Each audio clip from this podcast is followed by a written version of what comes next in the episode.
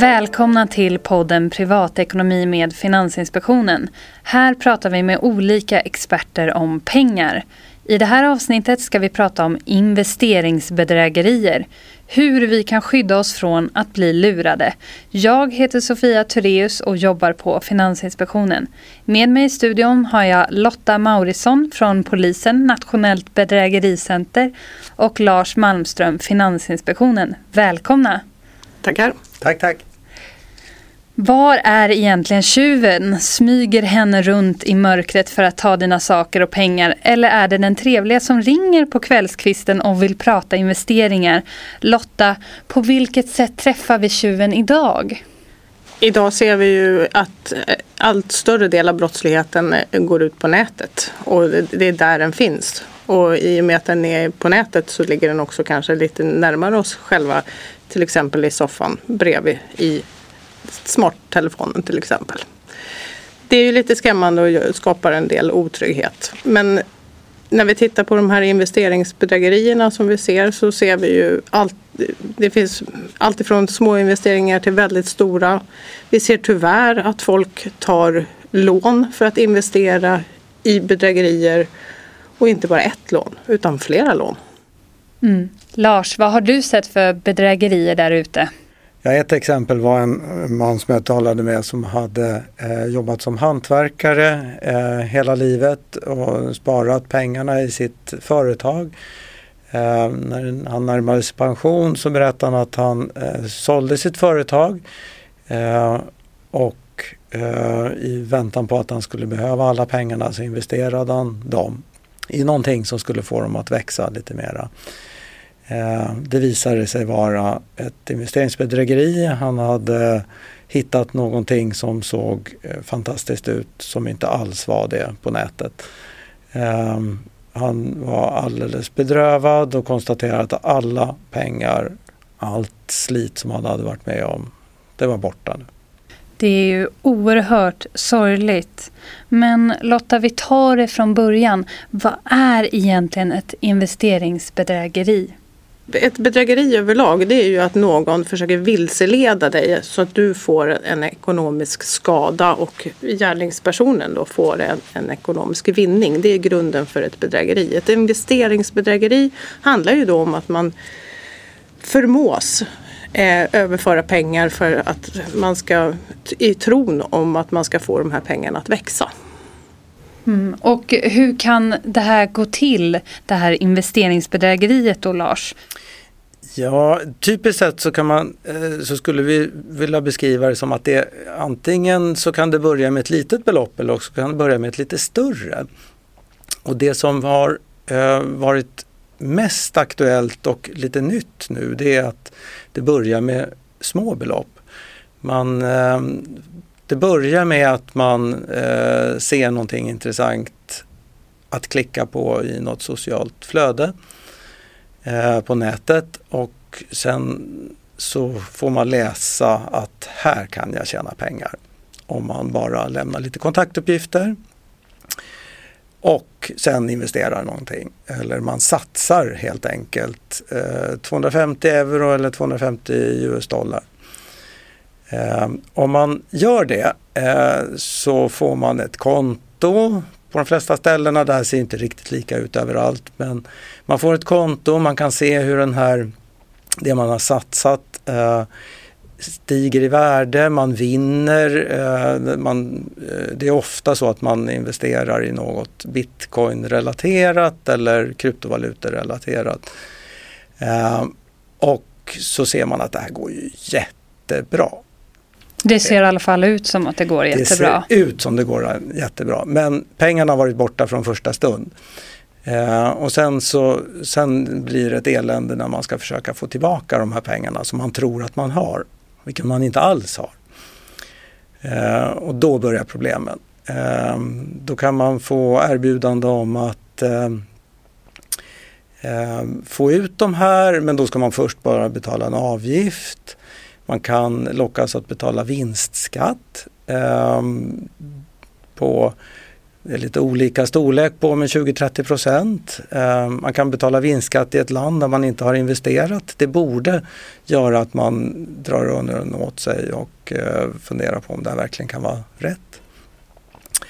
Eh, och då kan man ju då borde man låta bli att skicka iväg mera pengar men det är fullt möjligt att man gör det i alla fall. Eh, de är väldigt skickliga, trevliga och övertalande. Ehm, och om man då skickar iväg mera pengar så får man ju inte ut de här pengarna då. Nej, skickliga, eh, det förstår jag. Men i den här försäljningsfasen då i början, vi vet ju att vi inte tar godis från främlingar. Vi vet att vi inte pratar med vem som helst på tunnelbanan. Och vi vet att vi inte ska klicka på den där länken i sociala flöden. Men Lotta, är det verkligen så lätt att bli lurad? Men de här bedragarna är inga duvungar. De är väldigt skickliga i det vi kallar för, speciellt i den här sociala manipulationen som det här faktiskt är frågan om. Eh, de är skickliga i att veta vad det är som triggar dig att eh, vilja investera, att vilja investera mer. Eh, de här eh, det här när, där man ser att pengarna växer det är ju någon form av eh, urtjusiga hemsidor de har och man ser staplar och det, dina fonder går ju mycket bättre än alla andras. Så är det ju. Så att det är därför du får liksom förtroende för dem och känner att det här är på riktigt. Det här kan pågå under flera år. Mm. Det behöver inte vara under någon månad utan det här kan pågå många år. Eh, och där du lockar sakta, sakta, sakta, sakta lockar de ur dig mer och mer pengar. Ja, och vem är det egentligen bedragaren söker? Vem är målgruppen för de här bedrägerierna? Måste jag ha mycket pengar på kontot för att bli lurad? Det är nog lite olika det här. Det finns eh, en, eh, det som vi har pratat om som eh, framförallt man hittar kunderna på sociala medier och där är det ett par tre tusen som räcker som start för att man sen ska börja eh, försöka lura av personen ännu mera. Men sen finns det andra, eh, de eh, som har funnits under många år, investeringsbedrägerier som eh, börjar på belopp på 100, 200, 300 000 men kan gå upp till någon miljon. Det är ju oerhört mycket pengar att förlora om man har sparat ihop det. Eh, men var finns de här bedragarna? Ni pratar mycket om internet och sociala flöden. Eh, sitter de i Sverige framför en dator eller var hittar vi dem någonstans Lotta? Till största delen så hittar vi dem eh, nog utomlands. Ehm, de sitter ofta inte i Sverige men det, det kan förekomma i Sverige också eftersom man har hela internet som arena för sin brottslighet. Ehm, vi har ju några domar på investeringsbedragare i bland annat i England ganska under året här. Så att, eh, och de agerar över hela världen. Ja, hela världen och ibland Sverige. Vad säger du Lars? Ja, vi ser ju och hör ifrån de som tar kontakt med oss att eh, de sitter ett investeringsbedrägeri är inte i ett land utan det är framförallt i flera olika länder. Så man säger att man ringer från ett land, det är inte alls säkert att man ringer från det landet. Investeringen är ett annat land, pengarna ska skickas till ett tredje land. Eventuell skatt som det finns i en del investeringsbedrägerier ska skickas till ytterligare ett land och jag då, eller den som blir lurad, sitter i ett ytterligare ett land. Så det här är, kan man misstänka att det är för att göra det lite svårare för polisen att utreda och lättare för bedragarna att komma undan. Eh, absolut, så är det ju och det här är ju ett internationellt problem. De här bedragarna gör ju inte bara den här typen av bedrägerier mot svenska personer eller, eller medborgare i Sverige utan de gör ju samma, det är samma upplägg på bedrägerier riktade mot, mot personer i hela världen. Förutom då att man ska bli lite misstänksam om det ringer någon från ett land och skickar pengarna till ett annat och betala skatt i ett tredje. Vad finns det för varningssignaler för att det är ett investeringsbedrägeri man håller på att ramla in i, Lars? Ja, ett är nog att det låter fantastiskt bra. Ehm, eh, låter det för bra för att vara sant så är det nog säkert så.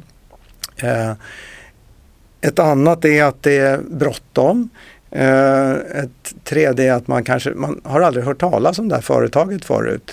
Eh, och då Ehm, då, då är det nog något fel med det här. Ehm, så att, ehm, men framförallt så eh, är det någonting som låter fantastiskt bra. Är det vanligt att eh, man råkar ut för investeringsbedrägerier och får ni in mycket anmälningar till polisen om den här typen av brott? Om vi tittar på bedrägerier i stort så hade vi 260 000 anmälda bedrägeribrott 2018 och ungefär 1600 av dem är investeringsbedrägerier så i antal är de ju inte speciellt stor del. Men det, det är ju alltifrån 200-250 euro eller dollar till flera miljoner. Så att de här brotten kan slå väldigt hårt mot den enskilde. Mm. Om man nu har blivit lurad så är ju inte det en härlig känsla. Det kanske inte är det första man berättar. Eh, Lars, ser ni ett mörkertal med personer som har klump i magen för att de har drabbats av ett investeringsbedrägeri? Jag tror absolut att det finns ett mörkertal. Det, vi får eh, både telefonsamtal och mejl eh, där personer eh, skäms eller eh, känner sig väldigt skamsna och vi förstår att man inte har berättat om att pengarna är borta på eh, hemmafronten i familjen. Ibland så är man osäker när man ringer men sen så blir man då allt säkrare på att det verkligen var ett bedrägeri när man har pratat med oss. Eh, men vi tror absolut att det finns ett mörkertal. Det är inte alla som kommer fram till oss eller som söker sig fram till oss. Och Lotta, ser ni att det här ökar eller minskar i Sverige? Blir vi mer och mer bedragna så att säga? Bedrägerier överlag har ju eh, ökat eh, absolut de senaste tioårsperioden. Eh, ganska dramatiskt faktiskt. Och investeringsbedrägerier har vi tyvärr inte kunnat följa på eh, brottskodsnivå som, eh, som vi följer brotten. Utan det, det startade 1 januari 2019 här. Eh, men vi ser under året att det här har ökat. Så att, eh, ja, tillsammans med övriga bedrägerier så ökar även investeringsbedrägerier. Och jag tror att eh, de bedrägerier som vi ser, de har ökat eh, mycket under året. Det är framförallt de här bedrägerierna med lägre startsummor som har ökat. Det finns eh, fortfarande som en eh, lika många eller i stort sett oförändrat med de här sto- större bedrägerierna. Men eh, det har ökat väldigt mycket med de lite eh, mindre bedrägerierna eller som i alla fall börjar med lägre belopp eh, och som vänder sig till därmed eh, många fler. Mm. Små eller stora belopp så vill vi ju inte bli av med de pengarna vi har skrapat ihop. Hur kan vi skydda oss mot investeringsbedrägerier? Ja, det finns ju en, en rad varningssignaler. Om, om vi tittar på erbjudandet i sig så har du eh, ofta en fantastiskt hög avkastning. Och har man eh, den som vet ungefär någonting om hur stor vinst ett företag brukar göra per år så kan man ju se att man är långt, långt över det. Så vad är det då man ska investera i? Det, det är väldigt bra erbjudande. Det är för bra för att vara sant. Mm, det är återkommande. Låter det för bra för att vara sant, då är det förmodligen det. Men om man redan har drabbats, Lars, vad kan man göra då? Ja, framförallt så ska man inte skicka mera pengar. Eh, pengarna är borta eh, och det är jättetråkigt. Eh, det kommer att finnas väldigt många möjligheter att bli lurad en gång till. Eh, och att bli lurad en gång till kan man bli eh, få erbjudande om att få hjälp och få tillbaka pengarna, få delta eh, i en eh, någon eh, eh, brottsutredning eh, i något annat land, eh, få ta del av en dom. Allting går ut på att man kan försöka eh, mjölka av den som har blivit lurad lite mera pengar. Mm. Och om man nu har drabbats eh, av ett investeringsbedrägeri, kan man få hjälp någonstans där ute? Antingen ett ekonomiskt stöd eller ett psykiskt stöd? När det gäller bedrägerier generellt så kan det vara rätt svårt att få någon ersättning från eh, något försäkringsbolag eller någonting sånt. Utan här, här eh, får vi förlita eller hoppas på att eh, polisen eller banken tillsammans kan försöka stoppa någonting av de pengar som ändå har skickats iväg. Vilket inte lyckas i de flesta fall, måste jag tyvärr säga. Men det, stöd man kan få, det handlar om själva rättsprocessen sen. Att man kan få stöd från brottsofferjouren. Att få rådgivning och samtal med dem. Och om man har någon i sin närhet som har drabbat kanske man kan tipsa om just brottsofferjouren. Jag tänker Finansinspektionen övervakar finansmarknaden men vad är det vi gör egentligen Lars om just investeringsbedrägerier för att hjälpa konsumenter? Vi ägnar oss åt att informera och eh, göra så att personer som annars skulle bli lurade eh, ifrågasätter lite mer. Vi har eh, en varningslista för investeringsbedrägerier eh, där vi listar de företag som vi och andra finansinspektioner över världen eh, har eh, sett att eh, här finns det någonting som pågår som är dåligt. Sen har vi också framförallt ett register över de företag som får erbjuda investeringar till eh, privatpersoner och företag. Det kallar vi vårt företagsregister. Så där ska ett företag finnas om det ska ta kontakt med personer och erbjuda investeringar. Så det är kanske framförallt där man borde hitta ett företag om man ska göra affärer med det. Bra, kolla både varningslistan och företagsregistret innan du stoppar in pengarna någonstans. Vad säger du Lotta? Tyvärr så ser vi ju, det är som du säger, titta på de här listorna innan ni investerar. För allt för ofta så ser vi kommentarer om att man har tittat på de här efter att man har investerat. Vilket är lite sent. Man förstår att man har blivit lurad. Men titta på dem innan så kanske ni slipper skicka iväg pengarna till fel ställe. På temat att bli hjälpt om man har blivit utsatt på ett investeringsbedrägeri så ställer Fredrik från ett tidigare avsnitt om kortsiktigt sparande en fråga till dig Lotta. Eh, Fredrik undrar hur och vilken hjälp konsumenter kan få av polisen om exempelvis möjligheten att kräva skadestånd om han har blivit utsatt för ett investeringsbedrägeri.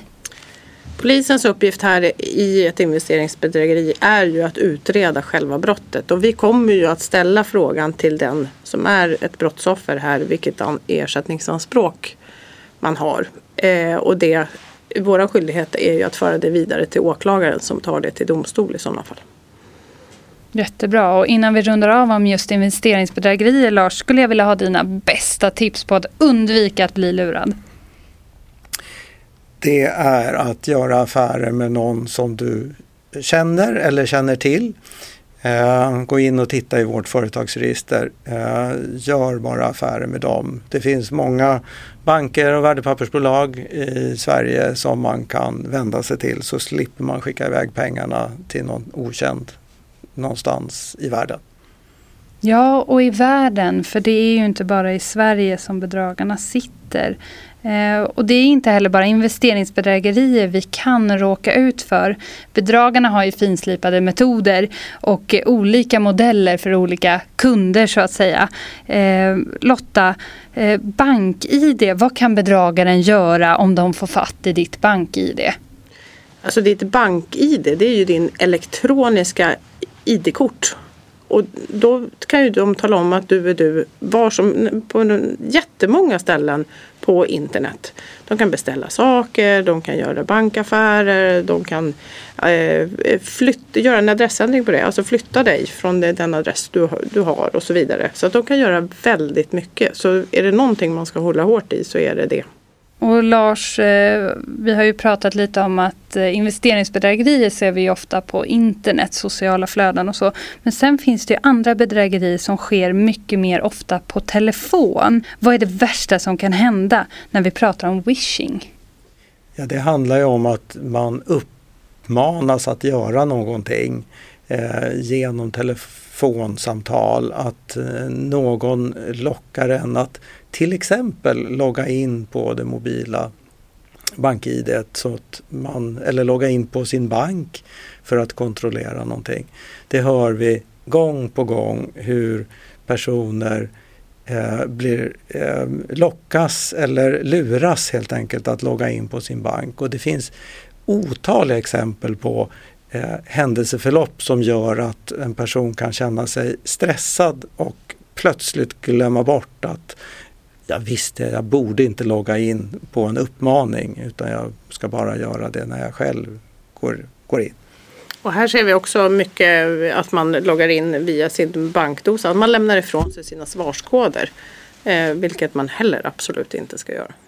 Har vi något exempel på stressande? Lars, om du skulle vilja stressa mig nu för att jag skulle logga in på min internetbank då via telefon. Hur, vad hade du sagt till mig då?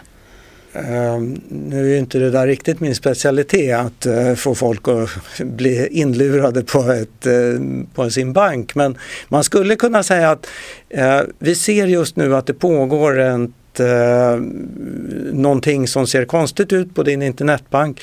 Ehm, vi tror att det är så att det inte har skett någonting. Men vi skulle vilja att du går in och kontrollerar ifrån användarsidan att eh, alla pengarna är kvar. Eh, vi ser att det ligger en betalning som ska gå iväg på 50 000 eh, klockan ett. Så du, du hinner om du går in och gör det här nu. Mm, och som eh, naiv eller godtrogen eller vill tro det bästa om folk så tror jag att när du säger att du ringer från banken där att jag ska logga in, då gör jag ju kanske det också. Ja, och personen har eh, lite olika svävande svar på när du ställer någon fråga. Men eh, är det här verkligen banken? Brukar ni ringa upp så här? Eller, eh, och då, det finns många intelligenta svar på det där den säger att ja, nej, vi brukar inte göra så här men nu är det bråttom. Eh, alltså, antingen så förlorar du de här pengarna eh, eller också, du kan ju ringa tillbaka sen efter efter lunch och kolla att det verkligen är vi. Men eh, om du går in nu så ser du till att du inte förlorar pengarna. Så om man finner sig själv i en stressande situation, ta ett andetag och känn att oftast är det ingenting som är så bråttom. Eh, jag tänker på ID-bedrägerier också. Varför vill man ta någons identitet Lotta? Det handlar ju om att du, du kan göra väldigt mycket med någons identitet idag. Eh, ofta så tillskansar man sig det mobila bank-id och sen så ser man till att göra så mycket affärer som möjligt. Du kan även ta en annans identitet på nätet, till exempel på sociala eh, mediekonton och utge dig för att vara eh, Sofia. Och så kontaktar jag Sofias alla kompisar och säger att jag, Sofia, är i Eh, Istanbul och har tappat all kontakt med yttervärlden förutom det här. Jag behöver pengar, skicka mig via något eh, pengaförmedlingsföretag. Ja, lite vaksam till och med när ens nära och kära kanske ber om någonting på sociala medier. Och mina Facebookvänner där ute, jag kommer alltså inte åka till Istanbul närmsta året. Eh, sen så finns det ett bedrägeri som har hängt med oss ganska länge. Skimming på kortet. Då tänker jag oftast när man åker iväg på semester. Men det stämmer inte riktigt bara att utomlands. Eller hur Lotta? Skimming är ju ett mindre problem i Sverige idag än det var för ett antal år sedan. Däremot så ser vi, och för det mesta så handlar det om just uttagsautomater som det var stora problem med. Men eh, i Sverige har vi bättre, eh, det funkar det bättre där idag. Men utomlands, och jag kan säga att i Europa under sommaren nu så har man haft stora problem med uttagsautomater, att de har blivit skimmade. Vi kan ha problem i Sverige också, ofta på obemannade, eh, vid obemannade automater i sådana fall. Ett annat bedrägeri som jag snubblade över när jag gjorde lite research och pratade med dig här Lotta om. Det var ett som jag blev väldigt fascinerad av eh, och väldigt skrämd också. Det är när man utnyttjar kärleken för att bedra någon. Kan du berätta vad det är för något? Det är det som vi kallar för eh, romansbedrägerier. Och det här är ganska närliggande till ett investeringsbedrägeriet. Skillnaden är att man spela på den här personens behov av kärlek istället. Man blir kontaktad. Ofta så det är inte så att man behöver vara på en dejtingsida. Man kan bli kontaktad på Facebook eller någon annan eh, social kanal. Ehm, och så blir man kontaktad och eh, den här personen eh, fattar ganska fort tycke för en. Och man responderar på det och sen börjar det lite sakta med små belopp som den här personen behöver låna av dig. Eh, och eh, det brukar öka efter ett tag. Det finns alla möjliga ursäkter till det. Men de här sitter ju ofta... Ett klassiskt sånt här, fast de ser vi mindre av nu, det är ju den här soldaten som är eh, amerikanska soldaten som sitter i Afghanistan och inte eh, kommer inte åt sina pengar på hemmaplan och så vidare. Eh, men eh, det är absolut inte bara den amerikanska soldaten längre. Det, det här blir ju oerhört tragiskt för den som drabbas. Ja, ett både eh, ekonomiskt och ett emotionellt svek. Eh, jag skulle vilja sammanfatta med att vi har ju pratat om ett kluster av social manipulation. Det är skrämmande och det är läskigt med bedrägerier. Och slutligen, vad skulle ni vilja skicka mer för tips ni inte har tagit upp redan Eh, till den som lyssnar? Jag tänker att man behöver förstå vad man gör för affärer. Om man ska investera i någonting som till exempel värdepappersrelaterade eh, saker kopplat till bitcoin så gäller det att man förstår vad det är man gör och man förstår vem man gör affärer med. Eh, och det övergripande tipset, gör bara affärer med företag som finns på vårt, eh, i vårt företagsregister.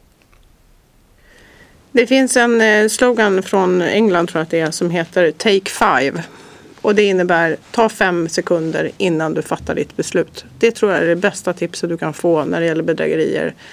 Stanna upp i fem sekunder innan du agerar. Tack Lotta och tack Lars. I nästa podd kommer vi träffa Gustav Sjöholm som ska prata om fondsparande. Har någon av er en fråga till Gustav som ni vill att han lyfter i det avsnittet? Ja, jag skulle kunna eh, fråga honom. Jag funderar på hur, hur kan man ta reda på sin riskvilja, det vill säga hur, hur man ska investera och vad som vore lämpligt att ha för riskvilja när man investerar. Alltså vad borde jag utsätta mitt sparande för för risk? Jag tar med mig det till Gustav. Tack Lotta och tack Lars och tack ni som har lyssnat. Och kom ihåg, om det låter för bra för att vara sant, då är det förmodligen det.